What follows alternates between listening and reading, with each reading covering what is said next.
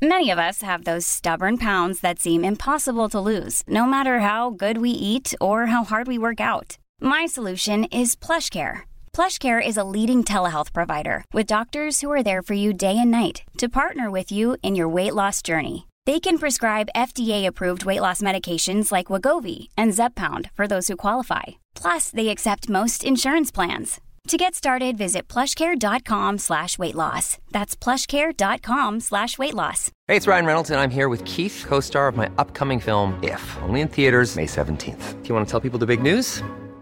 All right, I'll do. Sign up now and you'll get unlimited for $15 a month in six months of Paramount Plus Essential Plan on us. Mintmobile.com slash switch. Upfront payment of $45 equivalent to $15 per month. Unlimited over 40 gigabytes per month. Face lower speeds. Videos at 480p. Active Mint customers by 531.24 get six months of Paramount Plus Essential Plan. Auto renews after six months. Offer ends May 31st, 2024. Separate Paramount Plus registration required. Terms and conditions apply if rated PG. Since 2013, Bombas has donated over 100 million socks, underwear, and t-shirts to those facing homelessness. If we counted those on air, this ad would last over 1,157 days. But if we counted the time it takes to make a donation possible, it would take just a few clicks. Because every time you make a purchase, Bombas donates an item to someone who needs it. Go to bombas.com slash ACAST and use code ACAST for 20% off your first purchase. That's bombas.com slash ACAST, code ACAST. Thank you. Det är fredag, den fredade dagen i veckan för att den är uppsatt på Unescos lista över goda dagar i veckan. Eh, Fridlyst som sådan. Och en annan jag vill fridlysa det är ju dig Anders Ja, Hagström. vad trevligt. Och fint att du jobbar stenhårt in i det sista här innan sändning. Ja, bara knapprar och knapprar. Verkligen. Skriker pokal också. Underbart. I all välmening. Eh, och på skoj. Anders, vad ska du prata om idag? Eh, idag ska jag prata om den här hemska tågolyckan i Örebro som vi ändå måste prata lite om. Eh, och så ska jag prata lite om musik i rymden, tror jag man kan säga. Ja, musik i rymden alltså. Ja, jag börjar också med tunga ämnen. Blodbadet i Gaza har det kallats. 100 personer har dödats i samband med att en konvoj med nödhjälp anlände till Gaza och eh, vi ska tala om vad vi vet om den händelsen och om fördömandena som eh, kommer in nu från eh, ledare i väst bland annat. Sen blir det muntrare toner eh, längre bak i programmet. Vi har ett lyssnarquiz. Eh, lyssnaren eh, Amanda va? Som eh, ska vara med och tävla i sanning eller bullshit. Jag har för, eh, förberett en ganska god eh, rond. Det ser vi fram emot. Ja, tackar tackar. Vi får också besök av Arvid Nero. Ja, Artisten Arvid Nero. Det är lite premiär i nyhetsshowen för musikframträdande i studion. det är väl, ja, och det har aldrig varit innan ett liveframträdande. Nej, Eller Lucia kanske? Jo? Lucia är sant ja, men Ja. nu är det instrument Ja, och nu- nu tar grejer. jag ner det här. Ja, precis. Jo, men gjort Kalle, det har ni gjort. Anders, det blir not impressed Hagström. Ser fram emot detta i alla fall. Ja, det ska bli väldigt kul. Jag lyssnar väldigt mycket faktiskt på hans eh, senaste låtar som kom i fredags, eh, öl och karaoke. Arvid Nero alltså, en, eh, om man ska väl säga, on the rise på eh, den svenska musikscenen Ja, från jag har sett Göteborg. dem så i, i periferin av eh, lite andra här och Mm. där. Och, ja, men det blir kul att höra som eh, soloartist. Ja, han är på G nu. Eh, sen kommer Frida Rosengren också hit och snackar upp helgen ju som vi brukar göra på fredagar. Sen bakvagn också. Ja, har du något mer du vill teasa om där Anders? Eller håller du oss alltså, liksom i dunklet? Lite tycker jag att man ska få vänta på faktiskt. Ja, men det är bra. Eh, Jag kommer prata kanske lite om vilka kändisar eh, som du inte minns har haft lugg. En artikel jag snubblade över. En otrolig rubrik att skicka med lyssnarna. Ja, det blir högt och lågt i dagens program som eh, ni hör. Eh, annars då Anders, du sitter ju på desken vanligtvis här på GP. Vad är desken egentligen? alltså det vet ju desken? kanske inte vanliga lyssnare. men Det- vi pratar om desken Ja, ganska men ofta. desken är det som sitter bakom dig, de som håller på med eh, ja, men sköter eh, nyheterna just nu. Alltså det som händer hela tiden, det sköter desken. Mm. Snabba flödet Eh, ut på sajt. Ja, Hur ska ser det ut? ligga? Precis, Ja. vilka nyheter måste vi göra idag, nu? Ja, Ja, och eh, det dominerades väl en del av den här olyckan i Örebro då igår va? Som du ska prata om eh, lite senare. ja men verkligen. Igår Mm. var det väldigt mycket fokus på det. Men man kan tänka, du vet, så som man ser en nyhetsredaktion i en film. Mm. Det är det som är desken. Ja precis, Mm. för att de andra redaktionerna skildras inte lika bra för där är det mer, alltså det gör sig inte inte lika bra på film. Ja, möjligen några så grävare som sitter Jo jag vet men 95% av dagen är ju bara att folk sitter liksom eh, böjda över sina datorer och liksom så här eh, begär ut olika filer. Stämmer. Typ så här sorterar i pdf och så. Ja, Det är inte lika The Newsroom Aaron Sorkin mässigt. Nej, men det, det är det, men att följa dig. Det är Ja, som ett verkligen. avsnitt av The Newsroom. hela tiden.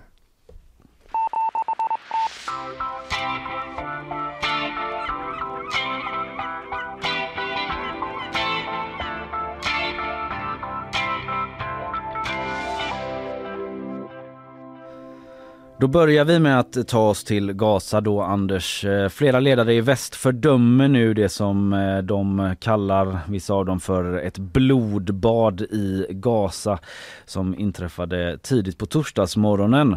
Alltså igår då, då över 100 människor ska ha dödats och runt 760 personer ska ha skadats i samband med att en konvoj av fordon med nödhjälp kom till Gaza. Mm. Detta har du eh, noterat igår förstås. Ja men precis, och det kom ju väldigt mycket hemska bilder därifrån under hela dagen igår egentligen. Det gjorde det och det är fortfarande så att man försöker, eh, ja det kommer nya artiklar hela tiden om vittnesmål och vad som kan ha hänt och så. Eh, Det var i alla fall så att den här konvojen med nödhjälp var koordinerad av Israels militär. Men exakt vad som har hänt, det är ju lite svårt att kartlägga så. Men det som åtminstone verkar ha hänt då, det är att tusentals människor rusade mot den här konvojen. Det var en 38 lastbilar, står det att det ska ha varit, som det handlar om och eh, det råder ju en stor desperation och brist på mat i Gaza. Det vet nog de flesta som lyssnar. Vi har ätit hundmat i två månader, sa till exempel en palestinsk man till nyhetsbyrån AP. Bara för att liksom sätta en liten, ge en liten bild av situationen där. Eh, men då ska, eh, så som det beskrivs då, eh, palestinier har rusat mot de här 38 lastbilarna. Det ska ha utbrutit någon slags kaos. Men vad som händer efter det då, där går alltså uppgifterna isär kraftigt. Ja, Eh, Och enligt palestinska vittnesmål så är det som sker att israeliska soldater öppnar eld mot den här folkmassan. Eh, En man som förekommer i The Guardians eh, rapportering, han beskriver det som att eh, de rusade framåt då för att få tag i den här maten men att soldater och tanks enligt honom då öppnade eld och folk blev skjutna framifrån och bakifrån från alla håll och de fick släppa maten och springa därifrån. En massaker helt enkelt. Men Israels militär IDF då och sin sida, de medger, ja det har avlossats skott men de hävdar att många av de här offren skadades eller dödades i kaoset som uppstod innan det.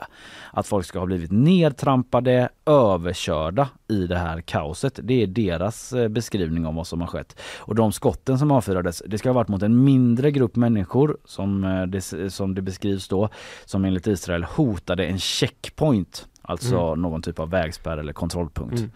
Eh, och de menar också på IDF då att det ska ha förekommit varningsskott från eh, soldaterna för eh, deras egen säkerhet då, att de ska ha känt sig hotade och skjutit varningsskott. Mm. Det säger IDF. ja men precis och det där är ju alltid jättesvårt för det är inte Utländska journalister kommer inte in i Gaza till exempel. Det är väldigt svårt att beva- bevaka. Man har ju svårt att veta vad som är sant eller inte men det man märker från gårdagen är att det var väldigt många som skadades och väldigt många miste livet i alla fall. Så är det. Många döda liksom ligger kvar på platsen där. Det är ju begränsat antal med ambulanser och så. Det rapporteras att folk liksom drogs på åsnekärror därifrån Mm, det till såg det jag en bild på också där. Mm. Eh, Mm. till det här Al-Shifa sjukhuset som är Gazas största och man har även liksom fått ta folk till andra sjukhus. Al Jazeera har eh, pratat med en som är chef för sjuksköterskorna på, eh, på Al-Shifa sjukhuset och han säger att liksom det kan inte beskrivas med ord den situationen som råder. Och hans bild då, hans vittnesskildring är att majoriteten av offren som kommer in då till sjukhuset, de har skottskador och splitterskador i huvudet eller övre delen av kroppen. Och han menar alltså att eh, skadorna kommer från skottlossning då och artilleri. Eh, vi får helt enkelt se om det går att skapa mer klarhet i det exakta händelseförloppet. Eh, oavsett så kommer det nu skarpa fördömanden från flera ledare. Eh, så ja, de uttrycker sig på lite olika sätt och det kan man ju läsa in olika saker i. Eh, det får man väl göra själv men till exempel Frankrikes president Macron Han fördömer ändå Israels militär för att ha skjutit mot civila. Så han verkar stå bakom den beskrivningen av händelsen. Han uppmanar till sanning, rättvisa och respekt för internationella rätt mm. som eh, han skriver på X. Då. EUs utrikeschef Josep Borrell kallar det för oacceptabla dödsfall Eh, håller det formulerat så. Och Spaniens samt Italiens utrikesministrar de har vädjat nu om en vapenvila då för att eh, möjliggöra hjälpsändningar till Gaza där över 30 000 personer uppges ha dött nu så här långt i kriget. Då. Eh, avslutningsvis kan man säga att FN-chefen Antonio Guterres han kräver en oberoende utredning nu av vad som eh, skett vid det här tillfället, det rapporterar Reuters bland andra. Och USAs president, många världsledare här mm. nu. Ja men, men verkligen, verkligen. Eh, Joe Biden han säger att den här händelsen den kan försvåra samtalen om vapenvila för det har ju bedrivits sådana nu då.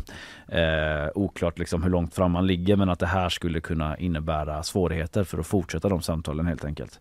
Eh, jag har inte sett några kommentarer ännu från svenska regeringen.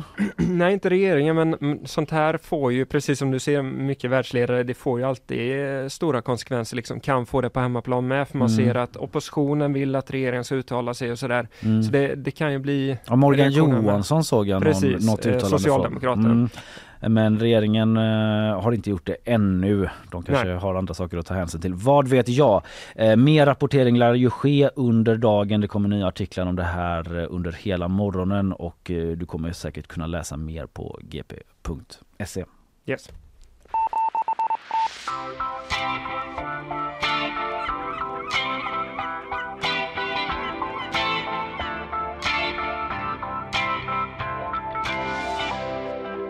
Vi vänder blicken mot Sverige då. Ja men precis, eh, det har hänt allvarliga saker där med eh, och igår så rapporterade ju ni om den här hemska tågolyckan i Örebro. Eh, och, men sen, sen det programmet så har det hänt ganska mycket så jag tänker att man måste ändå fånga upp det lite och prata lite om det ja, som hände där. det var Isabella som rapporterade om det i nyhetssvepet och då hade vi väl bara uppgifterna om att det hade skett en allvarlig olycka i princip. Mm. Det har ju hänt mycket sedan dess Ja men verkligen. Som vi fått reda på. Ja men den här själva olyckan var ju sent i onsdags kväll och då var det tre personer som blev påkörda av ett godståg vid Örebro södra station. Eh, och igår kom ju då nyheten att alla de här tre personerna dog i den här olyckan. Mm. Eh, och det var en man i 25-årsåldern, en kvinna i 20-årsåldern och så var det en pojke också i yngre tonåren som dog. Mm. Fruktansvärt. Ja men verkligen och igår var det en väldigt sorgsen stämning i Örebro. Vi var ju också där och pratade med människor som var runt stationen. Den var ju fortfarande igång där efter att man hade liksom efter att räddningspersonal var klara med sitt så var det mycket personer som rörde sig där och en del var där för att prata med varandra, andra eh, tände ljus och sådär. Det satte stämningen i stan helt enkelt. Mm. Eh, och så här, eh, vi har ett ljud tror jag med Camilla Ström som SVT pratade med. Det är tragiskt. Verkligen. Det kunde ha varit mitt barn. Mm. Nej, men jag ringde extra till min dotter och sa att nu ser du dig för. Blinkar det rött så blinkar det rött. Och då ska man stanna. Ungdomar de går och de tänker inte på att, eh, liksom, att det, ja, vi kommer snabbt över här. Ja, nej, men nu blir det säkert något, hoppas vi.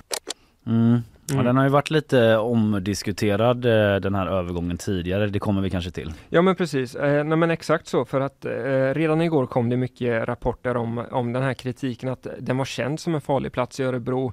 Eh, och vi ska återkomma till det men först vill jag bara säga att det här utreds ju nu eh, så jag vill gå igen, igenom mm. lite först bara vad vi faktiskt vet. Så ja, det blir lätt att man spekulerar och säger den gjorde så, den gjorde så. Men polisen höll en presskonferens efter dödsbeskedet eh, och de var ganska försiktiga med att beskriva själva händelseförloppet för man vill väl ha tid att liksom utreda så att man inte pekar på att den har gjort fel eller den har gjort fel för att ja, det är tre personer som dött, det är väldigt tragiskt helt mm. Um, det som är känt är ju då att de här tre personerna var på spåret och blev påkörda av ett eh, godståg då. Eh, det också man vet är att det kom ett passagerartåg precis innan det här godståget som släpp, släppte av människor eh, som då var på perrongen. Mm. Eh, men sen om de här tre kom med det tåget eller inte, det vet man inte, det är inte riktigt utrett än. Men det kan ha varit så och det är en teori som man jobbar med.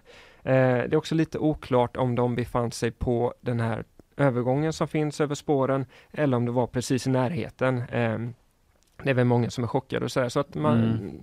man tar in vittnesuppgifter och så här, så det, det hoppas man väl tar reda på. Mm, mm. Eh, sen finns det också en ljud och ljussignal som man tror fungerade vid tillfället, eh, som ska varna då gående. Eh, men det ska också Trafikverket kolla på, funkar den här eller inte? Men Ja. man tror att den gjorde det.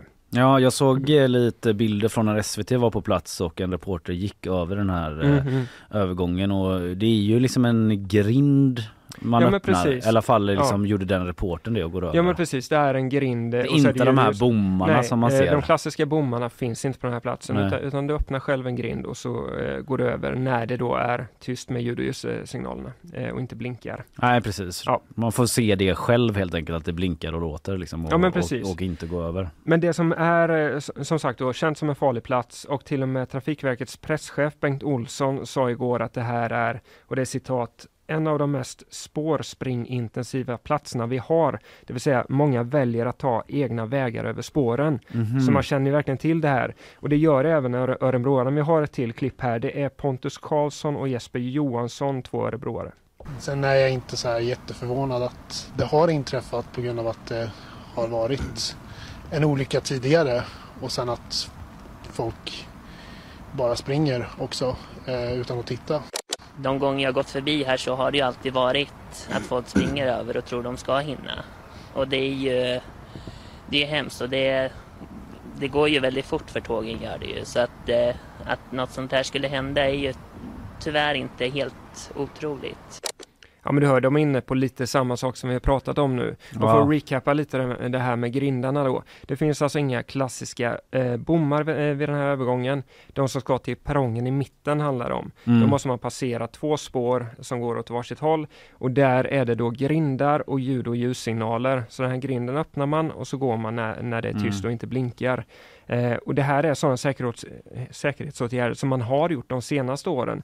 För 2017 eh, till exempel, då var det en dödsolycka där på samma ställe i stort sett. En man som blev påkörd eh, och dog. Och då satte man dit den här grinden, man har också byggt en gångbro men den går inte ner till den här perrongen. Nej, Eh, Så en del är, är gjort. eh, Men det är liksom känt att folk springer över spåren här Mm. även när ljud och ljussignalerna är igång. Eh, Precis som Bengt Olsson sa då på Trafikverket. Men eh, om man kollar på deras statistik så är det över 30 farliga incidenter förra året vid den här stationen. Ja okej. Vi ja. pratade med honom igår där eh, på Trafikverket. Ja. Och han sa, bekräftade det, eh, att över 30 Ja. farliga incidenter. Man ställer sig ju frågan då när någonting sånt här har hänt. Eh, varför är det så här? Varför har man inte bommar överallt och så? Ja men precis, Mm. och det är eh, härligt att du ställer den frågan för i man, mitt eh, manus står det så här. Så då är ju frågan, varför löser man det inte bara? Ja det är ju den naturliga frågan. Mm. Men eh, eh, vår reporter Johanna Hagström pratade med Trafikverket om detta igår eh, och det tråkiga svaret är att säkerheten faktiskt är ännu sämre på många andra ställen. Mhm. Så man har inte hunnit med att bygga om den här ytterligare. Man har gjort en del åtgärder här för man tycker den är farlig.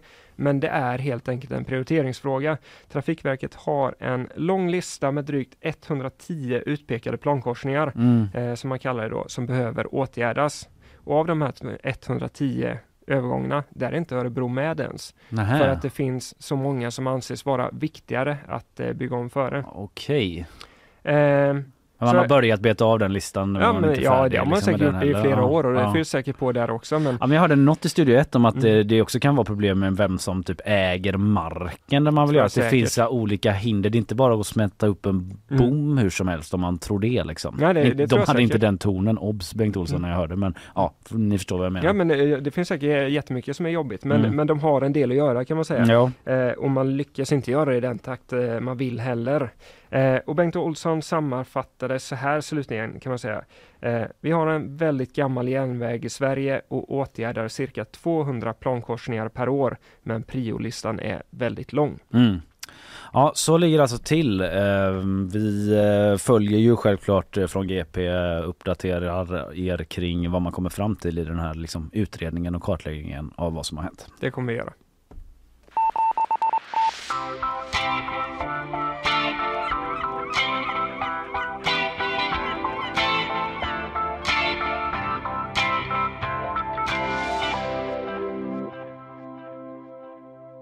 Nyhetsuppläsare, ljudredaktör, ljudtekniker och och eh, med mera Isabella Persson. Ja, God morgon. god morgon. Du, jag tänkte nästan, du kan nog fortsätta. Ja, jag kunde fortsatt eh, ännu mer men eh, du ska ju liksom göra ännu fler saker här snart. man vet inte liksom, vad får man säga ens om allt du gör. Men du har i alla fall viktigt. förberett lite, en, liksom uppmärksamma lyssnare kan se att det står en extra mikrofon bredvid Ja, dig. Det är för att Arvid. Nero ska spela gitarr sen. här satt vi igår Ja. och se hur det? plinker i plonka och du kollar Kan man ljudet. spela gitarr i vår studio? Men det kunde man. Det kunde man, Ja. det ska gå bra. Eh, och det man kan göra som vi vet sedan gammalt det är att man kan få höra nyhetssvepet och det ska vi få göra nu. Ja. Varsågod Isabella. 18 personer varav flera barn har förts till sjukhus efter en brand i ett flerfamiljshus i Sundbyberg utanför Stockholm. Flera av dem ska vara allvarligt rökskadade. Larmet om branden kom in igår kväll vid tiotiden och ska ha startat på första våningen i någon form av kontorslokal eller liknande. Man kunde strax innan midnatt konstatera att branden var släckt och nu ska polisen utreda hur branden startat. En majoritet tycker att Sverige har offrat för mycket för att bli NATO-medlemmar. Det visar en undersökning som opinionsinstitutet Indikator gjort för Ekot. 55 procent av svenskarna tycker helt eller delvis att uppoffringarna varit för stora. Samtidigt tycker ännu fler, 77 procent, att Sveriges säkerhet nu har stärkts när man går in i NATO. Och hälften av de tillfrågade tycker också att regeringen skött frågan bra, där de till höger är mer positiva och de till vänster är mer kritiska. En unik legobit gjord i guld har sålts för 186 000 kronor. Den såldes på en second hand-butik i amerikanska Pennsylvania som fick tag på biten när någon lämnat in en till synes vanlig låda med, med smycken. Men så visade det sig alltså inte vara. Den 2,5 cm långa guldbiten föreställer en mask och togs fram under 2001 för att användas som pris i olika tävlingar. Och totalt tillverkade Lego bara ett 30-tal exemplar av just denna bit. Se där, ja lite lego-aura på Anders Hagström ändå eller? Lego-aura. Eh, ja, lite grann så. jag vet Sitter inte. hemma och... Alltså, kanske inte nu, men en jag hade pussel, bakgrund. jag hade en pusselstund ett tag när jag, när jag fattade att det är kul att pussla. Det är väl lite samma sak? Ja eller? men du ser, det är ju det. vet, vet du vad som räddar mig? Nej. Lego, vet du vad det är? Nej. Svindyrt. Ja. Jo det vet jag i och för sig. Det stod här också i den här artikeln att det säljs så otroligt mycket lego alltså på, i second hand. Så Tradera tror jag Ja, hade bra 40 idé. miljoner årligen liksom säljs till lego på Tradera. Mm. Ja, vi har en ganska sorglig liten legonsamling som är så min mamma hittar på vinden som är min gamla. Här barn, här kan ni bygga nästan ingenting. För det Nej. räcker inte så långt. Men jag hade, Nej, en men sån det mys, ja, jag hade en sån mysig nu i jul där eh, min, mitt syskonbarn fick lego och jag och min pappa satt och försökte bygga ihop det. Just det. Försökte- Ganska trevligt. Ja, Men det är inte så jävla lätt att få ihop de här Nej, grejerna. nej, särskilt inte så här massa bitar, tekniska bilar och, Ja. nej, men det, det var trevligt. ja, där har lite utmaningar eh, båda två. Din legospaning om Anders var helt enkelt inte helt fel. Nej det var den ju Nej. verkligen Nej. inte. Det bara uppdagades mer och mer. Hela julen höll han på. Eh, vi går vidare. Isabella, du ska ha tack. Tack.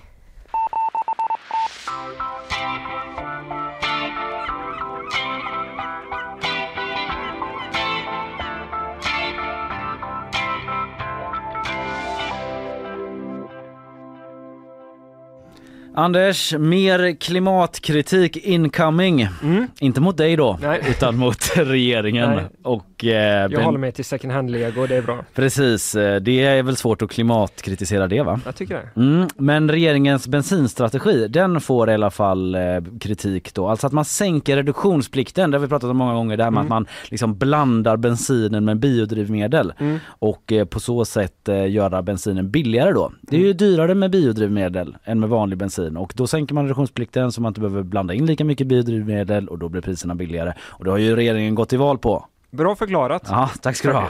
Ja. Eh, att det ska bli billigare vid pump som Mm. det brukar heta då. Eh, men eh, det är SVT då som har pratat med Trafikverket. analyserat stora mängder data och gjort flera scenarier. Ja, Jag skulle ha med lite som där också. Men de har alltså analyserat stora mängder data och Mm. gjort scenarier. Det är lite sånt de sysslar med där. Ja, men det är väl deras grej. Bland annat.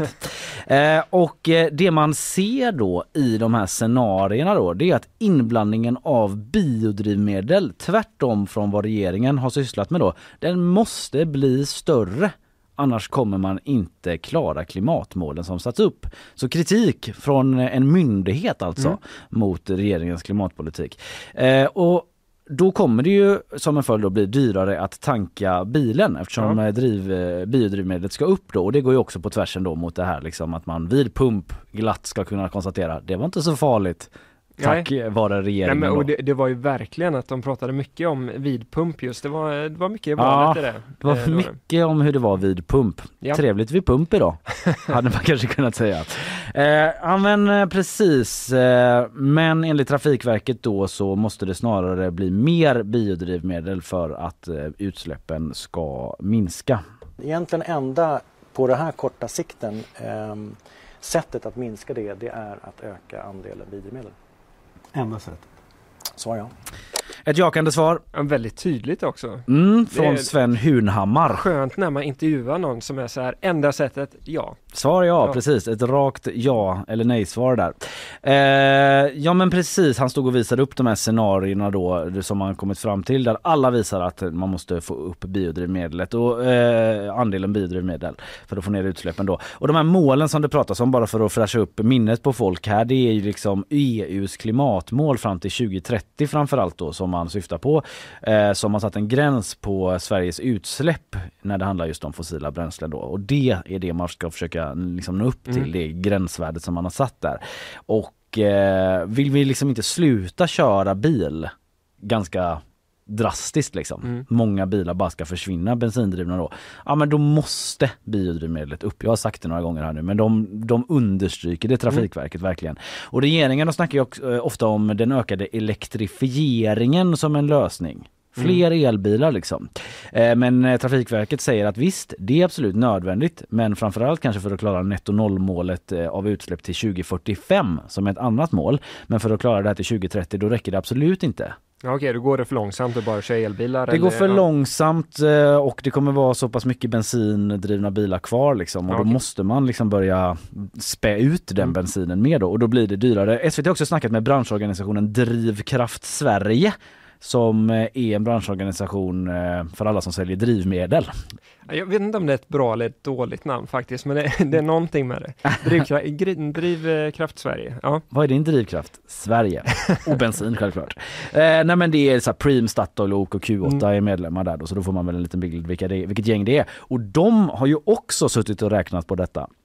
Och kommit fram till samma sak ungefär som Trafikverket att biodrivmedel behövs. Men då kommer inte- det kosta mer. Ja. Ja men det, jag vet inte, det var kanske inte det jag hade väntat mig eller äh, väntar man sig att de ska säga det? Jag vet inte. Nej men liksom man skulle kunna tänka sig ett scenario där de är så här, "Nej, men det är väl toppen att eh, det blir billigare med bensin liksom. Vi har ju massa bensin, då kan Mm. vi sälja det. Men de menar också på att om man då ska klara de här målen som man ändå förbundit sig till, man har Mm. ju skrivit under avtal om de Ja, här är EU-målen. Då, eh, då, eh, då måste det bli mer biodrivmedel och då kommer priserna gå upp. Det kanske är ett sätt för dem också, alltså nu spekulerar jag bara, men att liksom flagga för att det kommer bli dyrare. Det är Mm. väl inte nödvändigtvis dåligt för dem med dyrare drivmedel. Nej, nej, alltså, alltså de eh, mackarna kommer nog sälja drivmedel oavsett egentligen. Ja, det, Det kan vi nog vara ganska säkra på. Ja. Men SVT intervjuar Åsa Håkansson då från Drivkraft Sverige som alltså konstaterar att drivmedlet kommer bli dyrare. Det kommer kosta.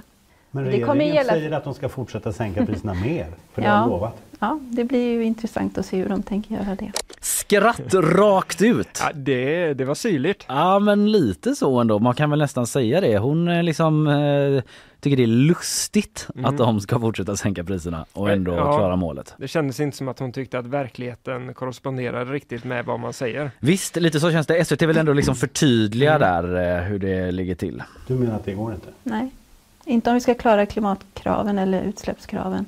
Där har du det. Ja, så det Tydligt går, svar. men inte om man ska klara målen. Nej precis, det är klart man kan göra det billigare men då går det inte. Och det har ju varit lite av en följetong även här i showen då det här med regeringens klimatpolitik och drivmedelspolitiken. Romina Pourmokhtari, eh, liberalen, Mm. klimatministern, hon var ju med i 30 minuter eh, Ja, men det har blivit en snackis. Ja, verkligen. verkligen. Det var det Alex Schulman skrev om och eh, massa andra. Mm. Japp. Typ, eh, ja, det, det där beror lite på vart man står politiskt Ja, som man tycker om verkligen. det. Men i alla fall, hon pratar ju mycket om att man ska ställa om energiproduktionen då. Liksom, Mm. Yes we can, vi kommer klara de här målen. Men Ebba Busch har ju sagt att hon inte är säker på att man kommer det. Och då var det lite tjafs liksom de sinsemellan att hon var såhär, men KD vet ju vad de har skrivit under så jag är övertygad om att de kommer jobba för det här. Ungefär Mm. så. Och eh, igår då på tal om detta så sa Jimmy Åkesson eh, att han liksom vände sig emot då ett nytt EU-förbud mot fossila förbränningsmotorer till 2035. Alltså då ska man inte ha fossila förbränningsmotorer.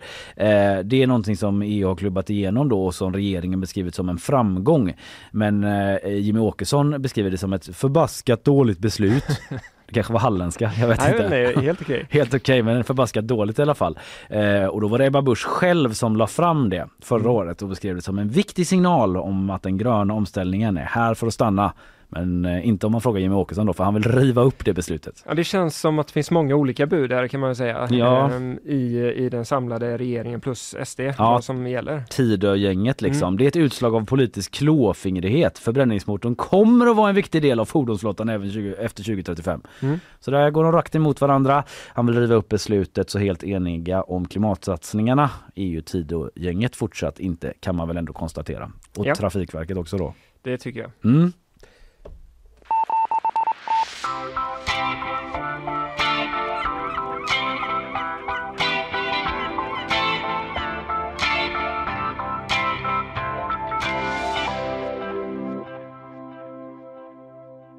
Eh, stressat eh, frågar du här precis innan vi drar upp mikrofonerna om det är du som ska tävla nu. Ja men precis, Ja, jag vet inte. Jag är vikarie. va? Du är vikarie, det är det inte utan eh, vi kör ju det lite då och då här ibland eh, att vi kör eh, en quiz med eh, lyssnare istället. Ja men jag, hörde någon gång en, en, en hetsig variant där det gäller att vara på tårna. Ja, det, vi har bara gjort det en gång så nu ska vi göra det igen och man har chansen att vinna priser i form av merch som ligger i potten. Jag sneglar bort mot vår producent för att se om vi har med oss dagens lyssnare. Det ska vi ha. Ett ögonblick ropar han där bortifrån. Eh, Men jag kan bara liksom berätta lite vad, hur det ska gå till då. Att det är en sån klassisk sanning eller bullshit-rond Ja. då där jag kommer sätta upp eh, tio olika alternativ om man ska säga om det är sant eller falskt som jag har hittat på eller inte. Eh, och nu då Karl? Då säger vi god morgon till Amanda Lundberg. Är du med oss Amanda? Jag är med er. God morgon, god morgon. God morgon. Hur är läget? Eh, nej men det är bra. Eh, lite nervös. Vi får se hur det ska gå med quizet. Ja, men du känner dig lite spänd, precis som Anders gjorde liksom bara spänn, quiz-spänd by proxy typ. I närheten av ett quiz blir han spänd bara. Ja, jag vet inte om det är lättnad eller inte och inte behöva möta mig men det, det får avgöra själv. Ja. Om du har på någon sändning där i bakgrunden kan du skriva ner ljudet. Jag vet inte om det är oss själva vi hör där i bakgrunden. Nej, av innan. Ah, ja, toppen. Ha, vad, Amanda, vad, vad är liksom dina intressen i livet? Om vi ska bara rota lite innan vi drar igång så här, vad du skulle kunna ha någon sorts förkunskap om. Är du också liksom en lego-tjej? Är det mycket så resa med kompisar och träffa vänner? Liksom så här. Hur skulle du beskriva dina intressen? Ja, jag skulle inte beskriva mig som en legotjej. Nej, mycket var tydlig där. Mycket sport. Så några sådana frågor hade man ju kunnat hoppas på.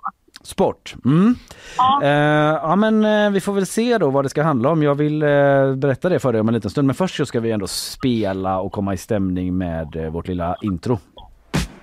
Nu måste någon vara hemma på detta nummer för nu går jag nämligen och ringer här. Har du en, en fråga till mig? Vem som skojar nu? Nej, det är ingen som skojar.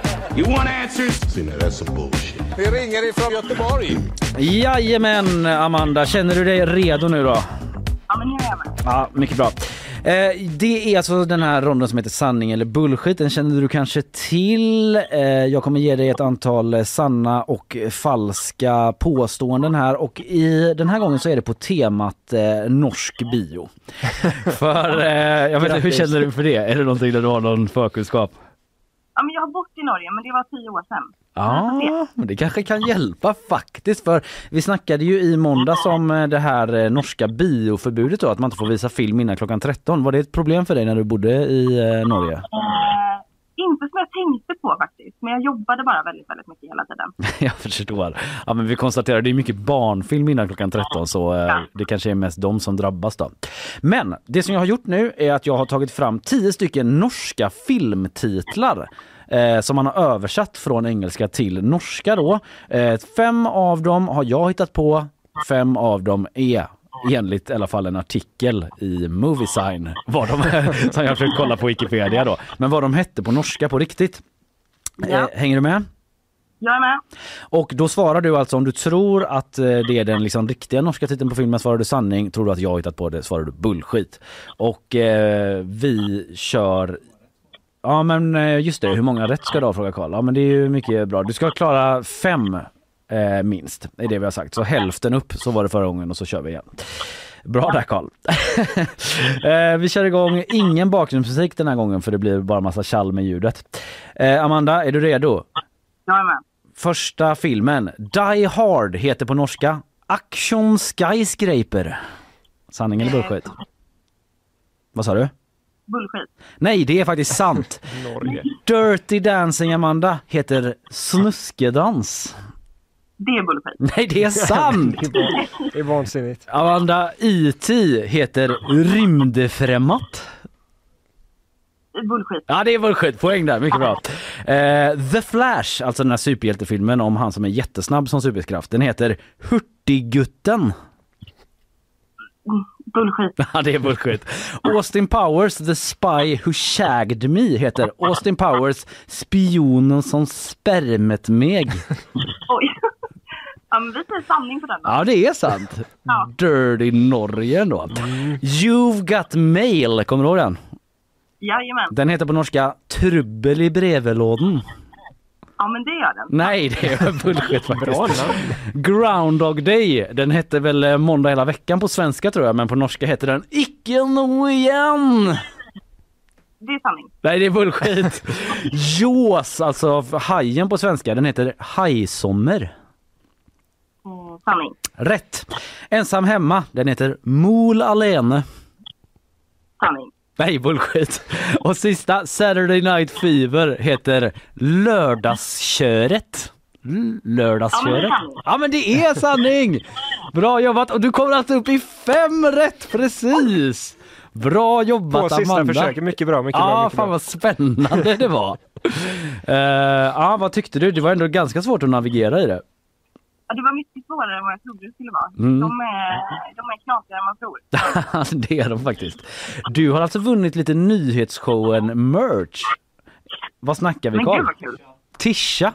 Tisha Mugg från nyhetsshowen. Eh, vilken underbar eh, fredag du har framför dig med liksom få starta så här. Ja. Du Amanda, vi kommer höra av oss till dig med... Eh, vi kommer liksom dyka upp vid din dörr och leverera det här. Nej det kommer vi inte. Vi kommer ta reda på din adress på Kringelikrokvägar. Nej, vi kommer höra av oss och fråga om det. Eh, du, tack så jättemycket för att du var med eh, den här morgonen och eh, quizade med oss. Tack så mycket själva. Ha det gött! Ha det fint. Hej. Nu måste någon vara hemma på detta nummer för nu går jag nämligen och ringer här. Har du en fråga till mig? Vem som skojar nu? Nej, nej, det är ingen som skojar. You want answers? See, that's some bullshit. Vi ringer ifrån Göteborg.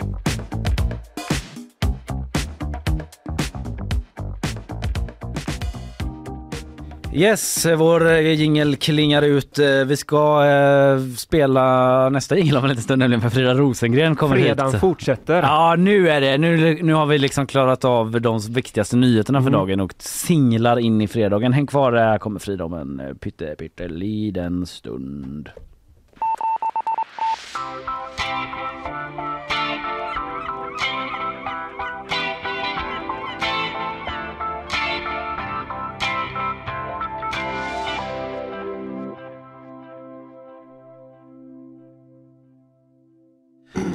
Nu kör vi hörni. Jag tycker att när man festar festar man och då festar man rejält. Have you ever been served in Amri's bush before? Ah, det där ljudet, eh, då tänker jag likt en av Pavlovs hundar på Frida Rosengren. God morgon! God morgon. När det korkas upp, då är det Mm. dig jag får upp i mitt Ja, inre. det är det enda jag gör om dagarna. Exakt. Provkorkar upp redan i veckan. Just Liksom. det, det är jag som eh, provar alla viner och öl och sådär. Ja, det är exakt så det fungerar. Mm. Eh, Du är krogredaktör här på GP. Ja, Eh, precis. och jobbar med Två dagar också, vårt helgmagasin och sådär. Vi ska tala om helgen, lite italienskt det först på Menyn, gud vad man känner sig Eh, som ja, Nyhetsmorgon. Men, ja, det blir eh, väldigt matfest denna gång. Och en italiensk sådan på lördag. För det är ju Lindholmen Street Food Market. Oh. Eller Lindholmen gatumatsmarknad. Mhm. Eh, kanske man ska säga. För puritanerna, ja, men- patrioterna. Som gärna tar det på svenska. Eh, På nej. italienska, eller på svenska italienska matmarknader säger vi så här.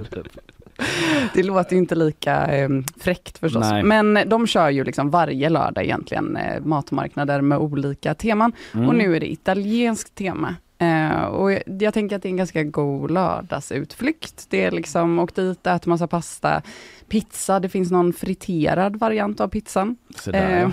Det för oss låter som gillar det. Ja. Eh, ost, drick vin, eh, ta en Negroni. De har någon Negroni-bar.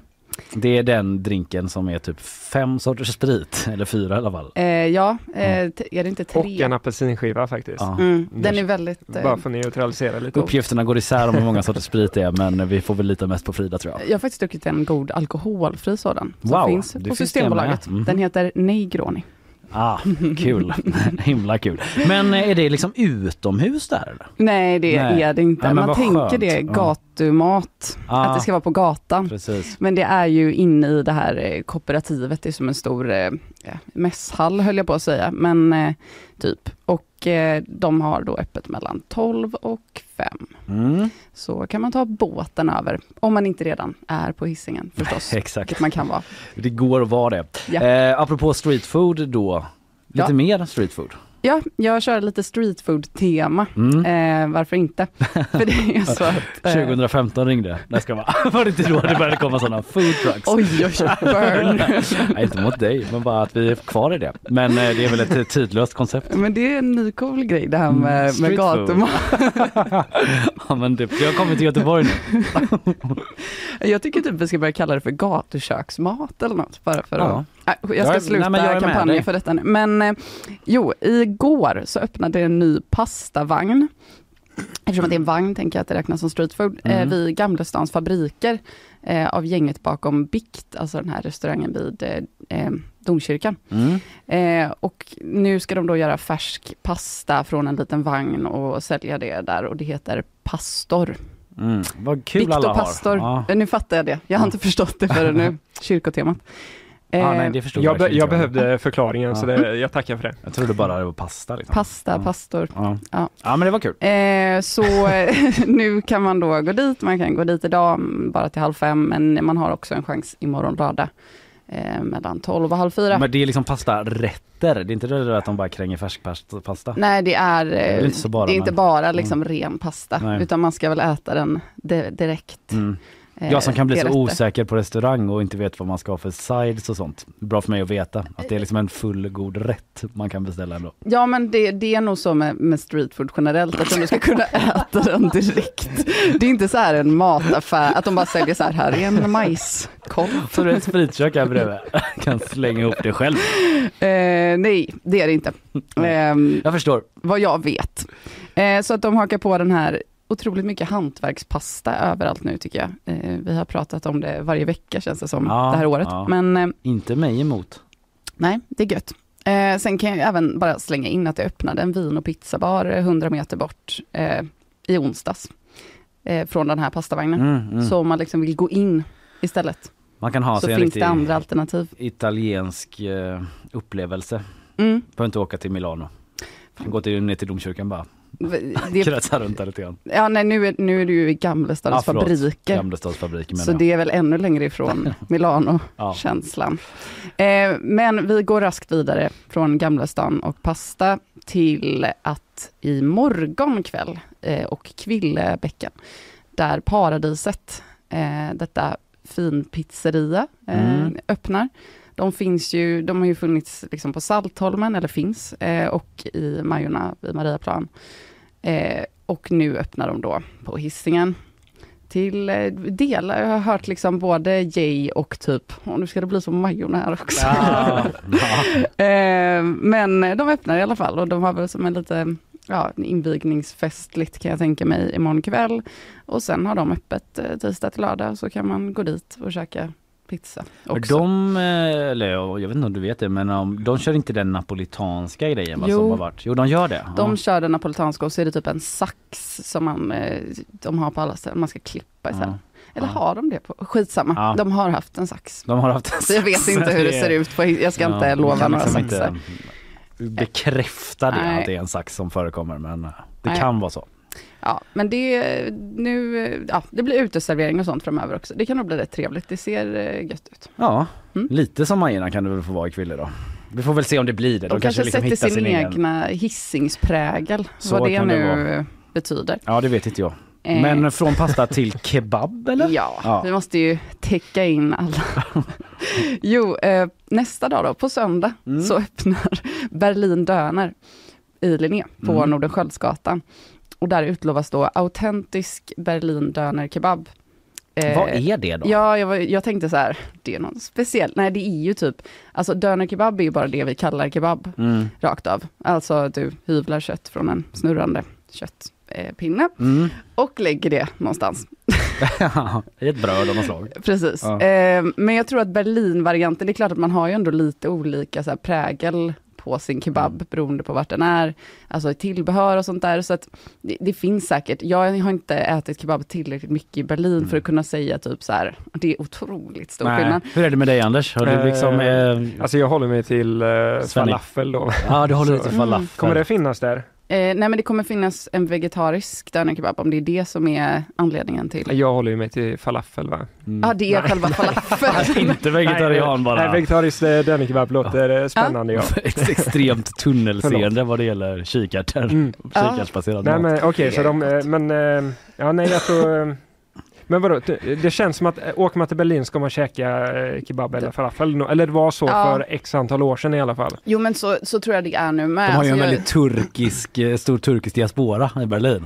Ja, Där dörren är ifrån. Tydligen, ja alltså det var ju så att de, ja, du, du kände att du hade typ gått in på Wikipedia och bara, ja det är ju, eller kan du bara det? Nej men Eh, jag kan att det bor massa turkar i eh, Tyskland. Det är väl sen gammalt. Som Snyggt. fotbollssupporter vet man ju det inte minst. Ja, nej Mm. men jag har inte lika bra koll på det, men jag läste det att det uppstod på 1970-talet där när turkiska immigranter kom till Västtyskland och Mm. eh, började hålla på med att sälja Ja. gatumat, antar jag.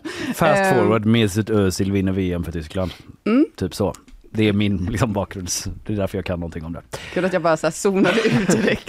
eh, nej men ja, men det här ska då, det är en kille, jag vet inte vad han heter, för han har inte skrivit ut det på sin hemsida, men som kommer från Tyskland eller Berlin vad jag förstått, och som har saknat den eh, otroliga kebaben. Ja. Och nu då, alltså bakar eget bröd och tillverkar såser varje dag och typ, jag uppskattar också har bara liksom två grejer på menyn, vilket är en Ja. vegetarisk och en bara Jätte- rakt av dönerkebab. Och någon som inte är Bra från för dig. Göteborg är ju, jag tycker ju att Göteborg är spännande svagt på både kebab och falafel. Mm. Är ju min, min bild i alla fall, som smålänning till och med. Men det, ja. Mm. Ja, men Jönköping eh, ska väl vara bra. Det är ju Håkan Jönköping Juholt som alltid är.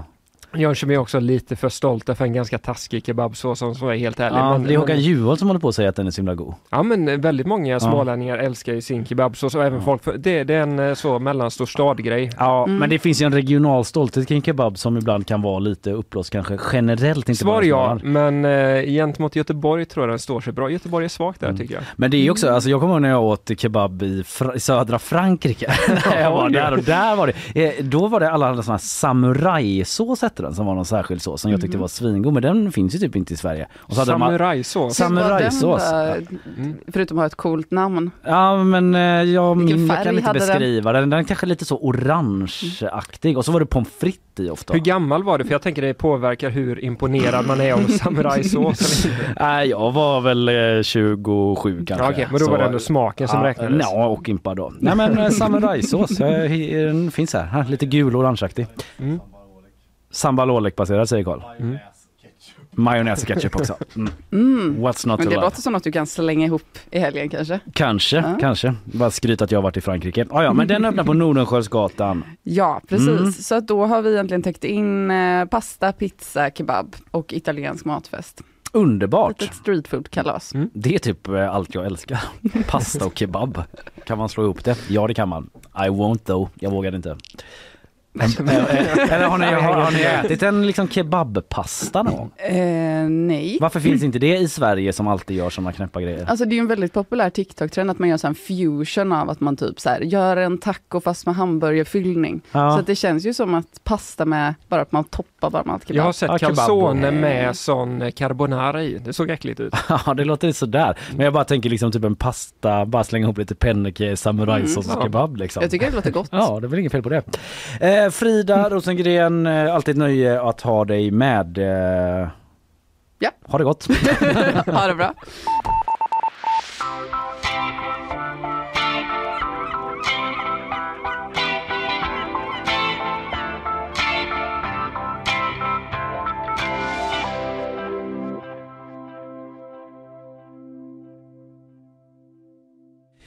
Ja, lite senare så kommer Arvid Nero hit, eh, artisten. Just det, mm. kul. Aktuell med eh, ny musik, Öl och karaoke heter den låten. Otroligt tycker jag. Släpper Mm. på Albin Lee Meldaus eh, nya skivbolag. Ja, han har ett eget eh, skivbolag. Ja, han har det. Mm. De är så gamla polare typ. Mm. Och eh, ja, vissa kanske såg Arvid Nero när han var med Så mycket bättre för ett tag sedan. där jag har sett honom faktiskt. Ja men precis, men nu börjar han liksom så han är så gammal blueskille Mm. som har liksom spelat på sådana föreställningar med så här rökiga bluesklubbar i Göteborg som eh, nästan ingen går på.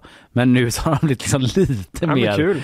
eh, kommersiellt framgångsrik eh, sådär. Mm. Så det blir kul att höra från honom. Men innan det så eh, tar vi lite fler nyheter va? Mm. Månen, är det dit vi ska? Eh, ja men det kan vi göra. Eh, ja, ehm, för att eh, Ja men vi ska till månen. Eh, förlåt jag tappade bort mig lite här. Eh, Var det och det du tänkte? Eller ambush? La jag ämnet månen på dig Du nu? förstörde min inledning kan man säga. Så jag var tvungen att tänka om här. Ja, men det det gör ingenting. Eh, eh, nej men det spelar ingen roll. För det är månen eh, vi pratar om här och eh, de har fått musik i alla fall. Eh, det är därför vi pratar om det. Mm. För att Kommer du ihåg att man skickar upp en privat rymdfarkost till månen ganska nyligen? Om jag gör? Det var ju förra torsdagen Mm. som Odysseus heter den, eh, skickades upp och landade för första gången en privat farkost eh, lyckas landa Mm. på månen. Så. Ganska nära månens sydpol var det va? De skulle... Det vet du bättre Ja, än vad jag kanske gör. blandar upp det, Mm. skitsamma. Men jag, ja. ja, jag gillar det. Du pratar om det här gissar jag. Ja, ja, det var uppe här ja. Men, men musik säger du alltså? Precis, eh, jag ska bli lite mer stringent här. Eh, Det är inte så lätt när jag Nej, hoppar på- in på- på varannat SV ord Anders. På SVT så läser jag det här. Musik av Jimi Hendrix, Janis Joplin och Elvis Presley har landat på månen. Eh, och det eh, är den här far farkosten som hade med sig en kulturkapsel. Jag tänker mig så här. Du ser ju jag gör tecknet med två fingrar Ja, här. du mäter upp Eh, där. det är inte riktigt så det ser ut. Hur den ser ut vet jag inte. Men det är en kulturkapsel som bland annat innehåller musik som ska sparas. Men också andra kulturarv som målningar av Rembrandt och van Gogh. Köp svenska uttalet där, jag tänker inte Nej, försöka. nej, det är- eh, och fotografier från Woodstockfestivalen och sådär. Jaha, från Woodstockfestivalen? Ja, alltså ja. Eh, Olika kultur eh, Ja men jag, de, de vill ha liksom den här positiva energin och... Ja, men så det- här är det på jorden. Ja, men det är lite dystopiskt också för han Michael P. Nash som varit inblandad i det här projektet säger att det här ska förvaras på månen för att citat Utifall vi spränger oss själva i luften med kärnvapen, träffas av en meteor eller utrotas av kl- klimatförändringen så finns det ett testamente över vår historia på månen. Jaha, så att om det kommer liksom rymdvarelser hit som har den teknologin att ta sig hela vägen från en annan galax till månen Mm. så stannar de där. Ja, om, om vi har sprängt oss själva när, när vi får besök så kan ni i alla fall kolla på månen då så kan ni hitta lite Ja, godbitar i alla fall. De var liksom all about Jimi Hendrix, van Gogh Ja, och men- att så stå och trängas i lera på ett fält i Ja. USA där Ja, också men- förekom liksom Men det låter inte helt dumt. Men eh, sen också så här. Den här kapseln ska enligt tillverkaren hålla i miljoner eller miljarder år. Det är ändå en svajig garantispann där Verkligen. va? Och typ så miljoner år i det i evighetens oändliga universums oändliga perspektiv. Ja, nej, eh, men det säger inte så mycket om man säger miljoner eller miljarder år tycker jag. Det, Men jag tänker svagt. också lite att om de här eh, rymdvarelserna då når fram till månen och hittar den här Mm. kulturkapseln, att de kanske ändå skulle vara sådär, men eh, vänta lite nu, vad har vi där nere då? Där är ju en till planet. Mm. Vi ska inte åka ner och ta en kik typ? Eller att Ja, de bara och kanske får en lite mer nyanserad bild. Ja, men det... Alltså även om vi liksom dör i ett kärnvapenkrig Mm. så kommer det ändå finnas bevarat även kanske lite mindre smickrande material nere på jorden då. Ja men du känner, tänker lite så apornas planet eh, arkeologi, att man, arkeologi, att man går och borstar av och hittar, våra, hittar Eiffeltornet Ja absolut, eller Mm. typ någon satellit som där liksom internet har sparats och de Ja, bara ja. hookar upp sig och bara "Ugh, vad fan är det här? Typ en kebabpasta som någon har gjort på någon typ av videotjänst. Ja, det Ja. ser ju vidrigt ut. Ja. Ja, nej men, eh, så, ja, men jag tänker också, det, jag tycker det är spännande vad man har valt ut, för det känns ju som ett svårt val vad man ska välja. Men vad, vad, om du hade valt musik till eftervärlden, vad hade du plockat då liksom? Ja, det, där, det är ju väldigt så amerikansk slagsida kan man ju Mm. säga framförallt då. Men Mm. jag tar ju hellre liksom eh, Jimi Hendrix och Janis Joplin än vad som än liksom Mm. skicka upp eh, massa epadunk Ja. till någon krater där. Ja, jag kan hålla med dig faktiskt. Eh, men eh, jag vet inte, jag liksom vad skulle man ta? Lite klassisk musik. Man kanske hade velat ha med musik från lite andra världshyllan då för att Mm. spegla så att det inte bara så här. Det här var hur jorden betedde sig kulturmässigt och så är det bara amerikansk eh, kultur. Nej, eh, men det, det är väl lätt att bli så. Och, om man läser igenom här, man läser på SVT så är det den här gången har man valt bland annat Janis Joplin, Elvis, Jimi Hendrix då. Eh, men man anar ju lite där, lite äldre man som har valt ut kanske.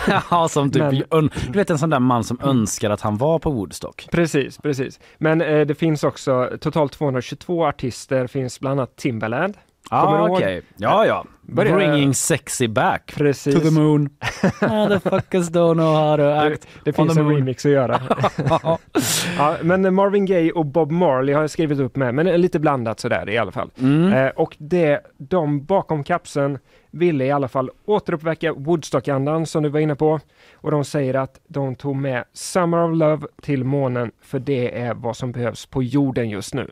Där Okej. har du det fina avslutet. Världens mest naiva forskarlag låter det som. Men det var väl också typ att de artisterna som var på Woodstock typ hatade rymdkapplöpningen. Ja, och det, där sätter du verkligen fingret på något, för de erkänner också själva att det, ja, det finns en viss ironi i det här, att de fattar inte varför man slösade pengar på den här skiten. Nej, Nej. det är liksom ett stort fuck you egentligen till Janis Joplin Ja, någonstans där.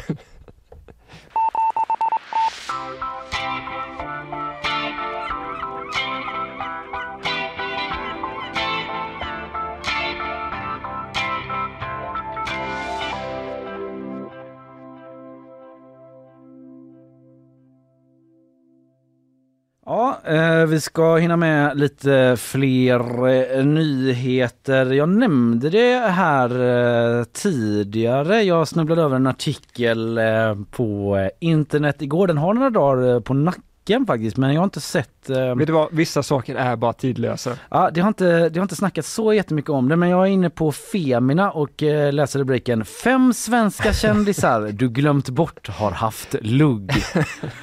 Eh, Och ibland kan man ju fråga sig varför har ingen pratat mer om det här? Men, Nej, men vi väljer att göra vet. det nu i alla fall. Ja men ibland Mm. så, så skrattar man först Mm, och så här, vad dumt, vad dumt. Men sen bara, liksom så här, bara växer min respekt för Femina. För det är en så himla smart artikel. Ja. Alltså jag tänker så här, alla, alltså framförallt, eh, det har man ju hört. Eh, du vet tjejer Anders. Vi, eh, nu har, Jag har stött på du dem. vet, eh, vi vet lite om tjejer i alla fall och hur de är och så. Men jag har ändå hört från tjejers liksom, från hästens så att säga, från tjejer själva att eh, typ alla tjejer någon gång har funderat på att skaffa lugg. Ja, eh, absolut. Ja, och man tror att lugg är en bra idé och sen så Mm. är det typ ingen bra idé. Det finns mycket så skämt om lugg i alla fall. Ja, men det Att det är gör en det. sån livskrisgrej som att killar skaffar en sportbil, tjejer skaffar lugg typ. Ja. Ja, den typen av skämt florerar. Jag typ sneglade ner mot Isabella. Du kan liksom ändå lite hålla med, bekräfta mig En då. tumme, eh, tumme upp fick du. Tillräckligt för att liksom gå Mm. vidare med Ja, eh, pratan här. Eh, och ehm, ja, vad vill jag fan vill jag komma med det då? Men jo, men med, med, liksom mot bakgrund av det så kastar man sig över den här artikeln. Man vill ju veta Mm. Ja, ja, vilka är de här fem Självklart. kändisarna som har haft lugg som jag glömt bort.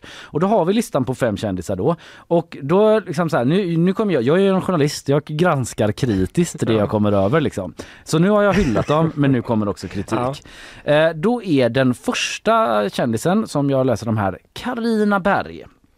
Eh, hon har ju ledd i Melodifestivalen nu. Jag visar en bild på det. Då ser hon ut så här. Lite Ja. så axellångt hår, bakåtstruket så. Och så är det en gammal bild på henne där hon har lugg. Men Ja. där vill jag liksom höja ett kritiskt finger för att där skulle jag säga att jag absolut inte glömt bort att hon har haft lugg. Jag tyckte inte, den, den, eh, man vill ju bli så här wow, såg, såg den personen ut så? Men nej, jag fick inte heller en känsla Det känns typ som att hon har, har, är typ så Sveriges kändaste luggbärare.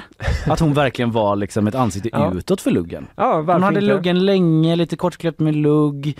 Eh, och ja men det är typ så om jag ska liksom tänka på Mm. Berg eh, så tänker jag typ henne med lugg. Ja, men Och då jag värderar Ja. jag inte om det är bättre nej, nej, eller sämre än vad det är nu. Så där är jag lite kritisk då. Nästa person, Jessica Almenäs. Okej, så det här är din kritik av... Ja, det är bara min Ja. genom min kritiska blick på Feminas lista av fem svenskar Ja. du glömt bort har haft lugg. Eh, Jessica Almenäs och där är liksom min kritik bara att eh, är det här en lugg hon har nu? Det är ju typ någon typ av Eh, eh, min, snedbena. min, min spaning på den är, vilken är bilden med luggen och vilken är den utan lugg? ja men alltså den vänstra bilden som är eh, ny då, där har hon ändå någon sorts mittbena grej. Alltså vi skulle nästan behövt någon som är lite mer van vid att klippa sig och är Ja. tjej typ. Men eh, den gamla bilden är, det är en snedbena och liksom i min bok är en Men det är väl riktig... bara en kam, ett kammat hår eller? Ja, hon har kammat åt sidan. Det är liksom inte den klassiska Carina Berg-luggen. Nej. Så jag tycker den är lite svag. Ja, lite mer pottfrilla Ja. vill jag ha för att räkna det faktiskt. Ja men lite. Mm. Och eh, sen eh, har vi då liksom nästa person, nu är det bara tre kvar, Pernilla Wahlgren, exakt samma grej. Ja, hon har också ja. en, hennes gamla lugg. Man, man ser en liten tofs som sticker ner där så att någon Ja, slags men snedbenan faller lite mer över eh, pannan Mm, så. Men jag mm. tycker ändå inte det är en regelrätt lugg. Nu, nu blir det väldigt eh, två killar här va, men jag håller med dig. Ja, men Isabella flikar ju in Mm, här i chatten att hon skulle påstå att Jessica Almenäs har någonting som kallas för gardinlugg. Bra. Nu! Ja okej, nu, ja just det för att den är som en gardin eh, såja som mittbenan. Uh, ja, Det är väl Matilda Järve som är superkänd för en bra gardinlugg va? Ja, jo men jag det har vi pratat ja, om jag här. säger Ja, ja. eh, Linnea hör av sig också liksom på distans typ hemifrån här i chatten och man kan säga att man verkligen kan ifrågasätta om Jessica Almenäs har lugg. Skönt att ha rätt ute. Eller har haft lugg för det är ju Mm. det som är.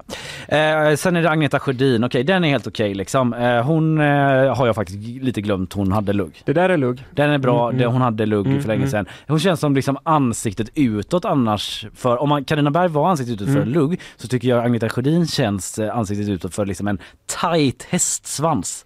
Sport, sporty spice stil liksom. Ja men kanske. För att jag Mm, kanske har sett, sett mycket på Fångarna på fortet Mm, och där mm. hade de ju den då. Eh, sen är det liksom den som frontar då hela den här artikeln Tilde de Paula. Och där har de gått ner i arkiven för där har de hittat en bild från 90-talet, alltså vi snackar typ 30 år sedan eh, på Tilde de Paula. Där men- har hon. Ja, och det är väl exakt de där bilderna man vill ha i en Ja. sån här artikel. Det, det där är en eh, toppen, eh, toppen genomgång. Verkligen glömt den här luggen på Tilde de Paula. Mm. Eh, och jag undrar, var Tilde de Paula ens känd när hon hade den luggen? Oklart. Så jävla länge sedan. Men de har Eh, letat bra. Ja, det, det står så här. När Tilde de Paula Eby slog igenom på 90-talet hade hon lugg. Men sen dess har vi knappt sett henne i den frisyren. Så det är nog många som glömt det. Så det i artikeln. Ja. Men eh, liksom jättebra eh, journalistik för sitt eget eh, medie. Eh, som kanske inte riktigt tålde eh, hård granskning från mig. Nej, men det, var, det var mest exemplen som, för att jag, jag gillar också listan. Det, är- det är ju Mm. otroligt Ja, älskvärt men det är sådana. jättebra lista liksom, Mm. helt eh, on-brand typ. Eh, bra jobbat eh, Femina.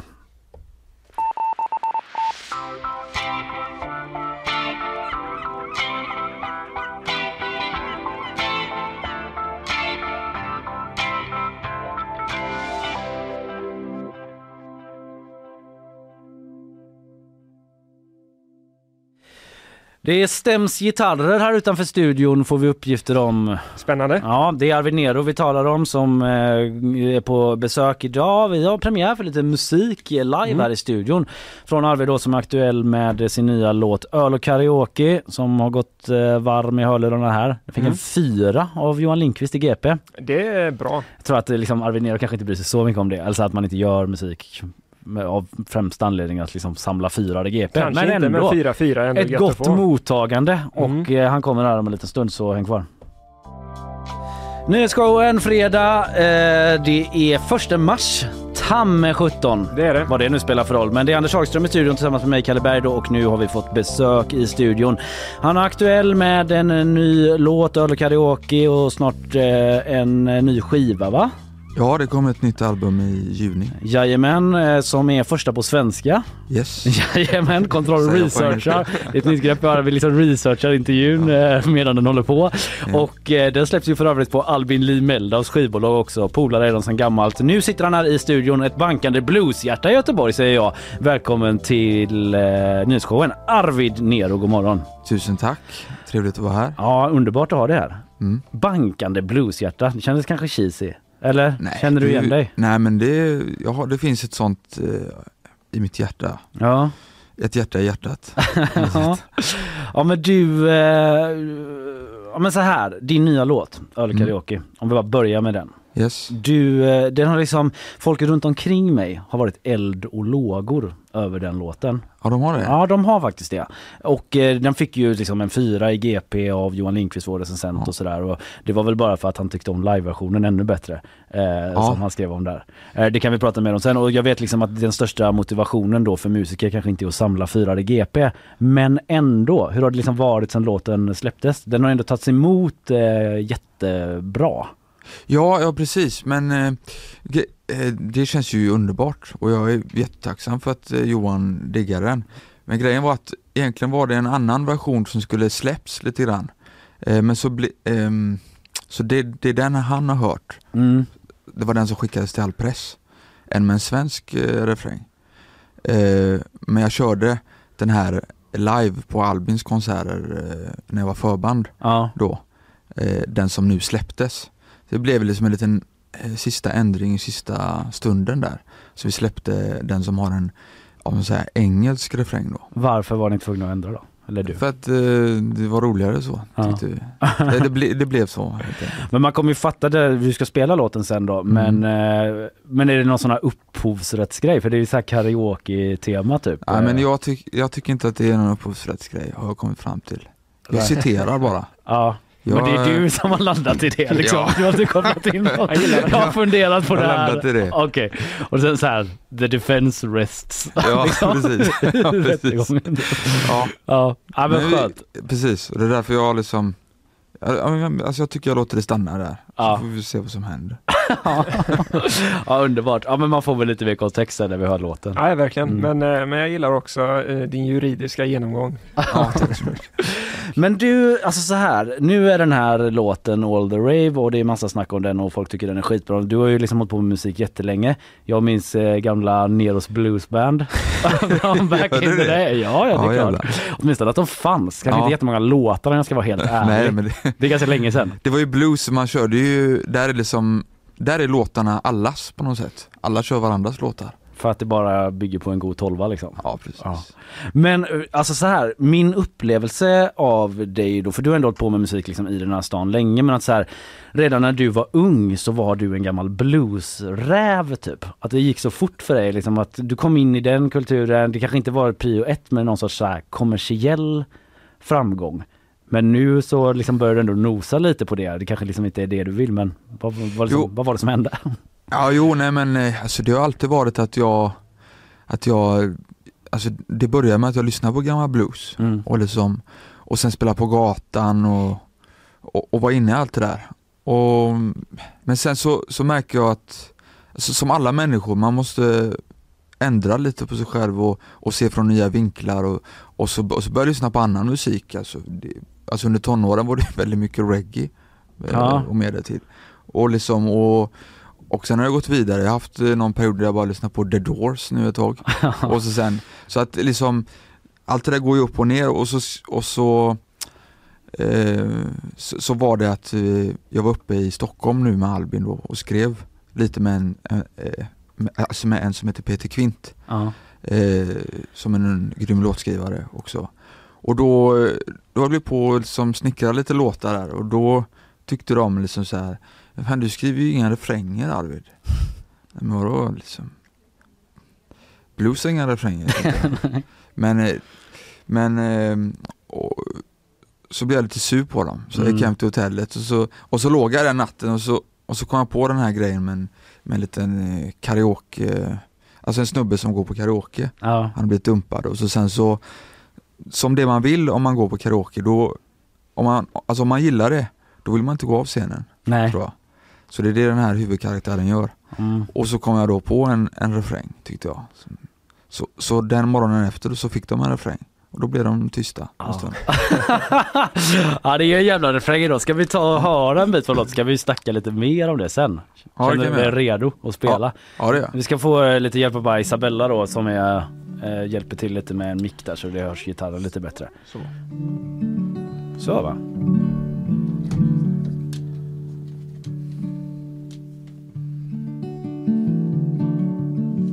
Känns det bra? Yes.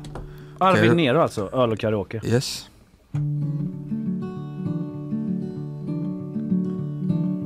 In på lilla krogen, öl och karaoke Välkomnad av en skylt i blå neon Nyligen dumpad av lilla gåtan som höll mig fången i min telefon Fem snabba järn för att våga ta spjärn mot storbildscen och mikrofon.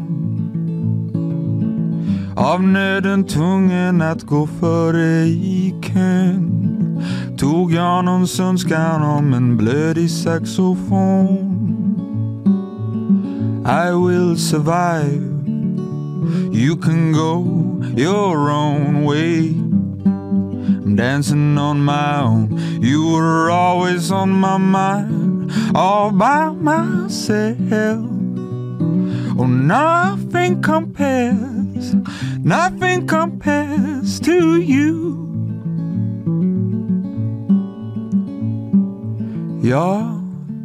Höll alla jävlar och amatörer på redigt avstånd med mikrofonstativ i starkt behov av att få sjunga och som ni vet ger sång förnyat liv. Jag fyllde lungan, plöjde hela pärmen. Hit efter hit, varenda band och artist. Alla som stått i kö, som grät och skrek. Gav upp och lät mig vara till sist. I will survive. You can go your own way. I'm dancing on my own. You were always on my mind, all by myself. Och nothing compares, nothing compares to you.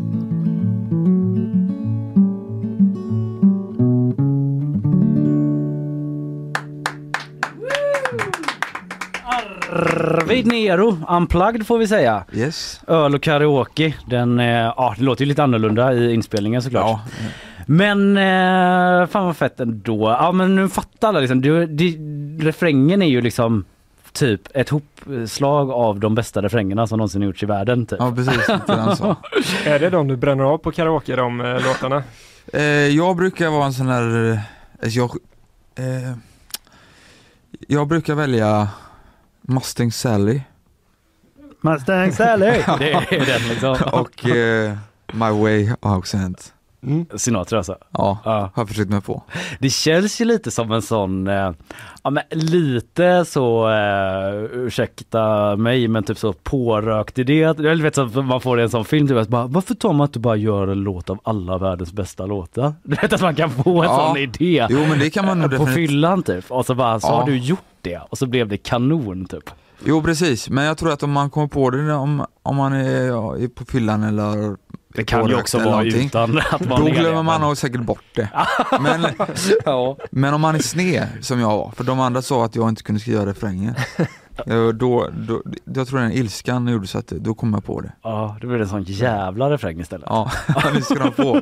Det var lite som ett skämt liksom. Ja. Men är du en karaoke, gillar du karaoke? Jo men jag gör det egentligen, Mm. men eh, det är liksom inte så att jag har gått så ofta. För jag, för jag tycker också att det är lite, jag tror man kan bli lite skadad av att man är, ute och spelar själv. För det, ibland är det lite irriterande med någon som eh, går upp och försöker för bra på Mm. karaoke. Ja, just det. Samtidigt så... Fast det blir också löjligt om du inte ska göra ditt bästa då. Ja, det blir Du konstigt. kan ju sjunga. Ja men om man kan sjunga Ja. någorlunda liksom. Ja. Ska man då försöka sjunga dåligt? Det, Mm. det blir konstigt också. Men jag kan tänka mig att det är störande om man har gått upp och så, jaha nu ska jag sjunga My Way. Men det är om man har jag kan ju inte vara Frank Sinatra någon annan gång, så man ju försöka liksom. Men du har inte stått och liksom motat bort folk med mixstafetivet så bara Nej, men, men, men nej, jag har inte vågat göra det. Men jag har inte varit tillräckligt full kanske än. Nej. Men det var någon gång En vi har varit i, vi har varit ute och spelat så har vi gått på någon eh, karaokebar i typ Falun eller någonting. Mm. Då, då har det varit den stämningen på folk, kom ihåg. Att man motar bort folk, Ja liksom. men det är min tur nu, käften Kerstin. Så, folk får skit, det var lokalt hak där. Alltså jag tänker på, eh, vad fan var det jag tänkte på nu då? Ah, nu glömde jag nästan av det. Men, eh, men, eh, ja, men den här eh, låten och eh, din eh, nya skiva sådär, det är ju Albin Lee Meldra då, är polare. Han känner ju Ja. jättemånga till och det är Yes. liksom Magdalena Anderssons favoritartist och Ja, Allsång på Skansen och allt möjligt så här. Men Ja. hur, hur känner ni varandra? Vi, jag vet inte, vi, det var väl säkert via Vi gick inte på Nordhem samtidigt men eh, Nordenskolan i Göteborg ja, alltså? Ja precis Ehm, Men jag gick där och så fanns det väl lite gemensamma vänner och så sen eh, Får vi se, vi vi lärde känna varandra att vi rökte gräs. Man säga det? När vi var well, små. det får stå för dig Arvid, Ja. men eh, det var ju länge sedan. Men ni var ju båda sådana reggae-killar typ? Ja det var ju det jag menade. Ja. Nej men det var, vi var ju unga då. Ja. Vi har slutat med sånt nu. Men hur har det Så varit, eh, eller förlåt? Så vi lyssnade på musik och då, och då lirade vi liksom lite reggae tillsammans. Mm. Och eh, sen har väl liksom våra eh, vägar korsats och eh, gått ifrån varandra liksom några gånger sådär va. Mm. Men eh, nu, eh, nu är jag väldigt tacksam för att han eh, ställer upp och ja, vill släppa min musik. Mm. Hur har det varit liksom att, ja men se, från att ha då liksom suttit och spelat No Woman No Cry typ i eh, någonstans kanske eller någon reggae-låt liksom och se han typ så här gå upp på Allsång på Skansen och typ göra hela den resan? Hur, hur det är för mig att se Ja, typ har, all- har du några tankar om det är bara liksom att så här, du körde den med bluesvägen liksom och sådär och Nej men jag, jag ser det som att eh, Alltså det är väldigt svårt det där om, om man ska bli väldigt smal och inriktad bara på det som man själv gillar hela tiden. Det är klart man ska köra någonting som man, som man diggar men man, man måste ju få testa nya vägar som artist. Och det är liksom inte så, så farligt om man kör någonting som att äh, det, där, det där var inte riktigt min grej. Det är bara köra det man vill sen då. Mm. Alltså man får ju testa sig fram. Och ibland måste man också Alltså det, det, det är lätt att fastna i för mycket navelskåderi. Att man säger det här gillar jag, bara det här gillar jag. Mm. Och då ska jag bara göra det. Ja, Annars men- kompromissar jag. Typ. Ja precis. Och det, det, det har jag uppfattat rätt sent men, men jag har uppfattat det i alla fall. Att, att, att det kan finnas en, en viktig att putta sig själv lite grann utanför det man är van vid. Mm. För då, kan man, då är man inte beredd på vad som händer. Rätt vad det är som, men vänta jag, jag tyckte om det här Mm. som jag gjorde. Och det var jag inte beredd på att, på att jag skulle göra. Mm. För när man är yngre så är man ju mycket mer av en puritan tänker jag. Ja det är möjligt. Ja, Ja, man är så Ja, lite så här precis. fanatisk Ja, eh, precis. kring att det ska vara så jävla äkta allting Ja, och hit precis. och dit liksom. Och sen när man växer upp så kanske man liksom fattar att ja, man kan också bara få testa lite nya grejer. ja precis. säger, typ. Så det blir lite mer Ja. ledigt liksom och avslappnat. Vad är du inne på nu då? The Doors? Eller vad lyssnar du Ja mest nej på? det var, det var ett tag sedan Ja. här nu. Men nu, eh, vad har jag varit inne på nu? Eh, ja, men nu är, jag in, nu är jag inne på, jag ska ha ett gig ikväll på, på Tjörn, Nordiska akvarellmuseet. Mm. Så, och så ska jag ha liksom ett sologig då, så tänkte jag, jag vill inte bara köra så här akustisk med gitarren, så nu, f- eh, förr i tiden så tog jag ibland in eh, att jag körde lite trumma på ett eh, case. Ja, du själv liksom? Eller nej? Ja, med, med, med, foten, foten, typ. så här. Aha, okej. Men nu, nu ska jag göra det med en bastrumma och en virvel och lite sådär. Så jag, är lite in, jag är mer inne på Tekniska bitarna? Ja, Ja. väldigt. Jag har stått i min, i min lilla lokal och sågat i ett trumset eh, med någon Men är det fortfarande så- metallsåg och hållit på liksom. Lite gatumusikant-vibe på det då nästan eller? Ja, jo men de, de, jag tror de rötterna finns ändå kvar på något sätt. Mm. Och nu kommer en ny skiva fram mot eh, juni sa du va? Ja precis. Ja, då kommer hela albumet. Ja. Det ser vi verkligen fram emot. Eh, Arvid Nero, tusen tack för att du kom hit och snackade med oss och spelade. Ja det var underbart att vara här. Yes, nyhetsshowen. Du är lite nyfiken där på den göteborgska bluesscenen Ja Anders. men man kunde inte låta bli att eh, passa på att fråga lite vad det finns för att jag, jag har inte lyssnat på blues i Göteborg men när man lyssnar på det här så blir man ju sugen på att höra mer måste jag säga. Ja men eller hur, alltså jag Otroligt trevligt. hade lite koll på eh, Arvid Nero när eh, han var, ja men liksom när man var mycket yngre och sådär Mm. liksom. Man försökte väl vara lite cool med att hänga med i indiemusiken och sådär. Man, det är inte så stor stad heller så man har väl liksom vissa så här av gemensamma Ja. liksom, kompisar och sådär. Men att det, det var just det där att man, eh, att han liksom sögs upp i den där bluesvärlden som man inte kände till när alla gick och lyssnade på Håkan Hellström eller typ så. Ja. Han hade sån konstig indiepop och hiphop blend typ att man bara lyssnar på Wu-Tang och eh, Ja. Bad Cash Quartet. typ. Ja, Eh, och då bara körde han sin egen grej och drog runt på liksom bluesklubbar man inte hade en aning om att de fanns. Och det var liksom, vi pratade lite om det här efteråt, att det var ju liksom ett äldre garde Mhm. i Göteborg som liksom höll liv i bluesscenen som ändå blev ganska så begeistrade när det kom in. Och de var väl typ tre unga killar Ja. och bara revitaliserade hela scenen. Ja men det måste ju varit eh, välkommet. Ja, det får man säga.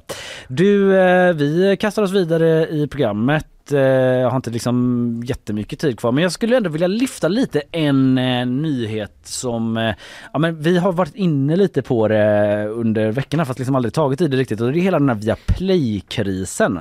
Ja just det, ja men den såg jag någon rubrik om bara. Ja precis, jag ska inte gå igenom den i detalj, det är inte det. Eh, typ. Men det har ju varit kris där och eh, de har gjort en sån rekapital... Jag kan inte säga det. Rekapitalisering nu och fått in... Eh, precis, ja. en Mm. liten sån röstövning Arvid Nero kan köra innan han går upp på scen. bara för att liksom öva strupen. Rekapitalisering som innebar 4 miljarder kronor.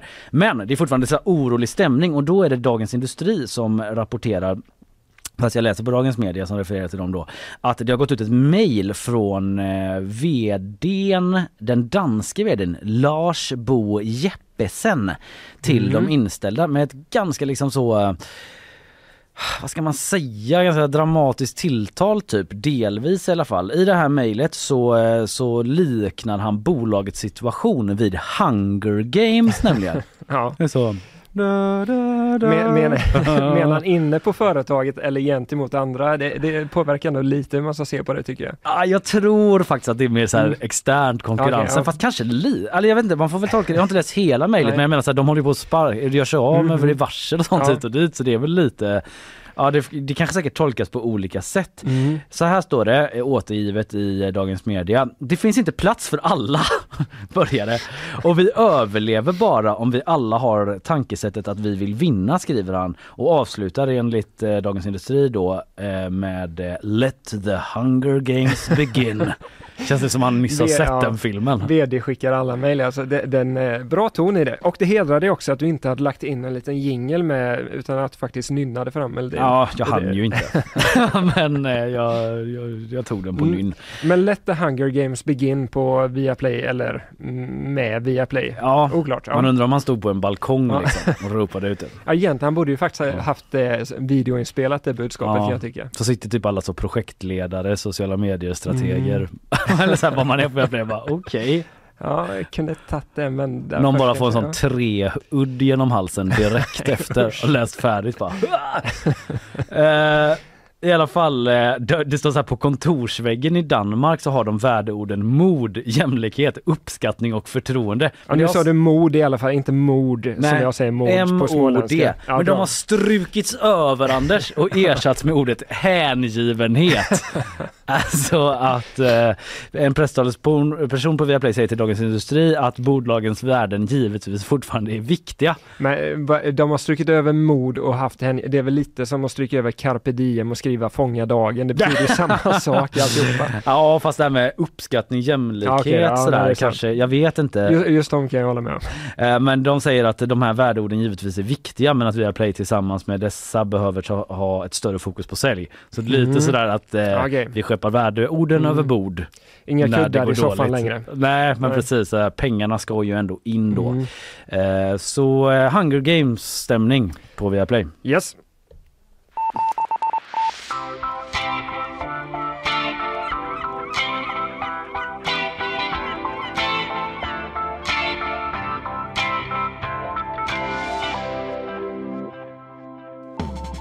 Drag under galoscherna hette det på 90-talet men jag vill väl ändå påstå att det har varit något liknande här idag Ja, men det tycker jag. Fredagsstämning, eh, livemusik och alltihopa. Mycket bra. Ja, vi började dock i en helt eh, annan ände med eh, de största nyhetshändelserna från senaste dygnet som ju då var av det allvarligare slaget. Jag talade om eh, Gaza och fördömandena som nu rullar in då från olika världsledare om den tragedin som utspelade sig i norra Gaza när 100 personer eh, minst dödades i samband med att en konvoj med nödhjälp anlände. Folk försökte desperat få tag i mat och eh, uppgifterna går isär vad som hände sen men enligt vittnen, palestinska sådana, så ska det ha öppnats eld då Mm. från israelisk militär och eh, 100 personer minst har, ska- har dött och eh, över 700 skadats. Mm. Du eh, var i Sverige och Örebro. Ja, jag pratade om den här hemska tågolyckan i Örebro eh, som dödade tre personer som blev påkörda av ett godståg. Och det gjorde de då eh, på, vid en övergång kan man väl i alla fall Mm. säga som är känd för att vara farlig just i Örebro. Mm. Och det har lett till en diskussion om varför har man kvar sådana här övergångar och Trafikverket jobbar på att bygga om dem eh, men hinner inte riktigt med. Precis, vi eh, pratade också om, eh, ja Trafikverket var faktiskt uppe igen. De har Mm. gjort så här scenarion om att eh, vi typ måste få in mer biogas och höja drivmedelspriserna om man ska klara klimatmålen. Och det var liksom skratt rakt ut från branschorganisationen Driv, Mm. Drivmedel Sverige, eller vad fan heter de? Som Drivkraft Sverige, som när SVT frågade så här om, men de säger att de ska klara målen ändå. De var ha! Det skulle jag allt bra gärna vilja se. Ungefär lite dramatiserat. Mm. Ungefär så. här. Sen eh, så hade vi quiz. Lyssnaren Amanda Lundberg lyckades med nörd och näppe då Ja, kamma hem lite fint försöket. merch. Ja, Mm. hon hade ju bott i Norge då så kanske hade lite kraft av det. Ja, men jag, jag var ändå imponerad för att jag tror inte jag fick ihop mer än två eller tre faktiskt. Nej, hon skulle ju gissa norska filmtitlar då. Ja, Mm. och eh, de är lika dumma som de påhittade. Frida Rosengren var här, eh, snackade döner kebab från Berlin Mm. nu på Nordenskiöldsgatan i Linné och pizza street eh, food market. där alltså. Street food market Mm. pizza i Lindholmen. Eh, det och en del annat. Men Arvid Nero var ju här, det får man ändå nämna. Det kommer säkert Mm. komma ut något klipp från det framträdandet på sociala medier där vi heter Nyhetsshowen spelade sin nya låt över karaoke. Yes. Producenter den här morgonen har varit typ Isabella Persson, Emily Hagbard och Carl Jansson för det har varit så jäkla spring. Bra uppställning. It's a team effort. Eh, håll nu ångan uppe hela fredagen och raka vägen in i helgen. Mhm. Ha det gott, hej! Hej!